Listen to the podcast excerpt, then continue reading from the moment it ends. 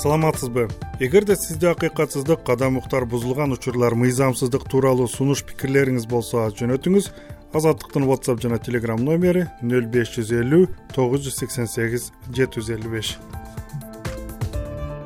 Азаттыкка кара суу районуна караштуу жаңы кызыл суу айылынан кенжебек сатыбай уулу кайрылган ал айылда эки миң он алтынчы жылы башталган жаңы мектептин курулушу алты жылдан бери токтоп турганын айтат. Угарманыбыз жаңы мектептин эч жак тикерленген дубалдары соңку жылдары урай баштаганын кошумчалады. Эки миң он бешпи он төртпү башталган да. Фундаментин заливать этишип дагы бир турду кийин стенасын көтөрүштү крышасын жапты ошол бойдон калды да мектепчи мектепте эки айылдын балдары окуйт. Мектеп расположено эки айылдын ортосуна түшкөн да ошол убакта ким келди? Жанагы матраимовдун ээси кара суу шаарынын акими өзү лично келип ошол көргөн жана улукбек мариповго жазганбыз.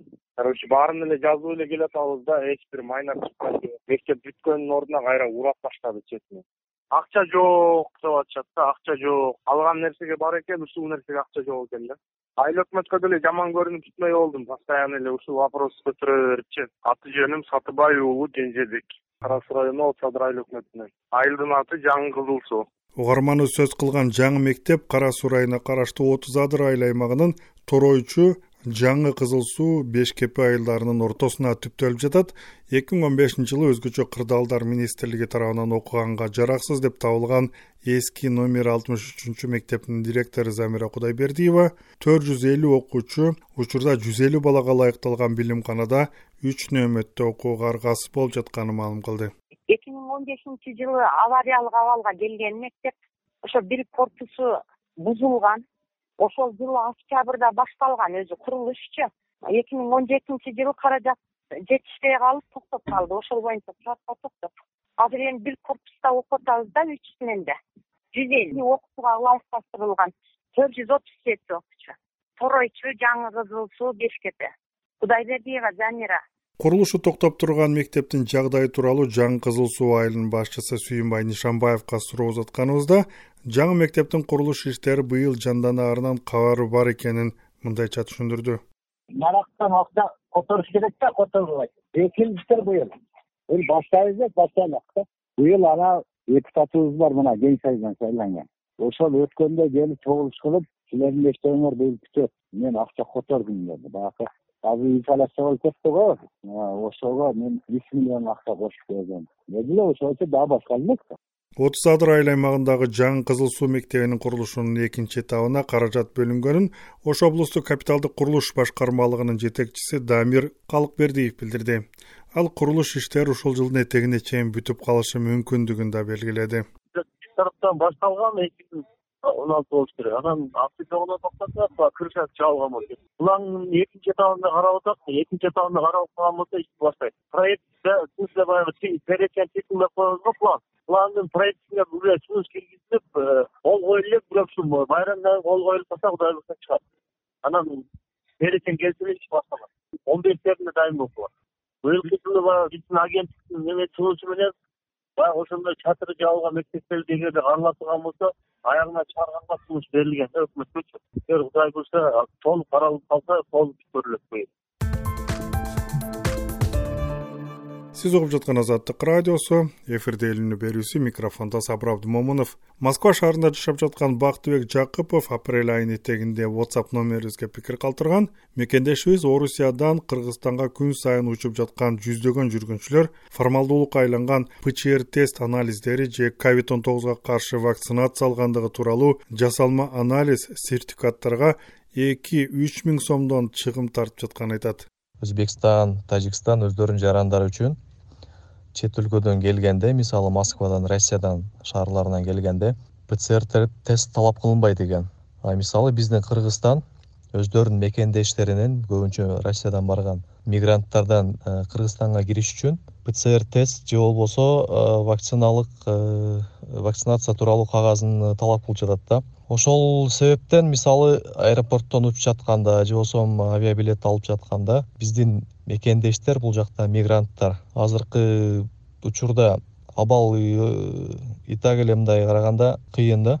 Акча таап печеный терминяны таап баратышат еще пцр тестке дагы акча төлөп жатышат. Миң жарымдан эки миңге чейинчи. Эми бул деген элди тоноо деген. Ал мисалы лабораториялык текшерүүдөн өтпөстөн эле авиакомпаниялар сатып жатканда билетти кошо сатып аткан учурларда толугу токсон токсон процент мисалы токсон пайыз элдер лабораториядан өтпөй жатат. Анда кыргызстанга кандай бир пайда келет ал? Эгер лабораториядан өтпөсө жөн эле кагазды актай кагазды алып атса биздин элдин эле чөнтөгүнөн ошол эле компанияларга ошол эле жанагы аэропортто атайын иштеген там мындай тажик же болбосо өзбек улутундагы жарандар ошол пцр тестти сатып жатышат биздин э, кыргызстан жарандарына. Ошол маселе боюнча эми күнүнө канчаган канчалаган рейс учат канчалаган адам учат. Ошону биздин жогору жактагы чоңдорго жеткиликтүү болот деп ойлогом да.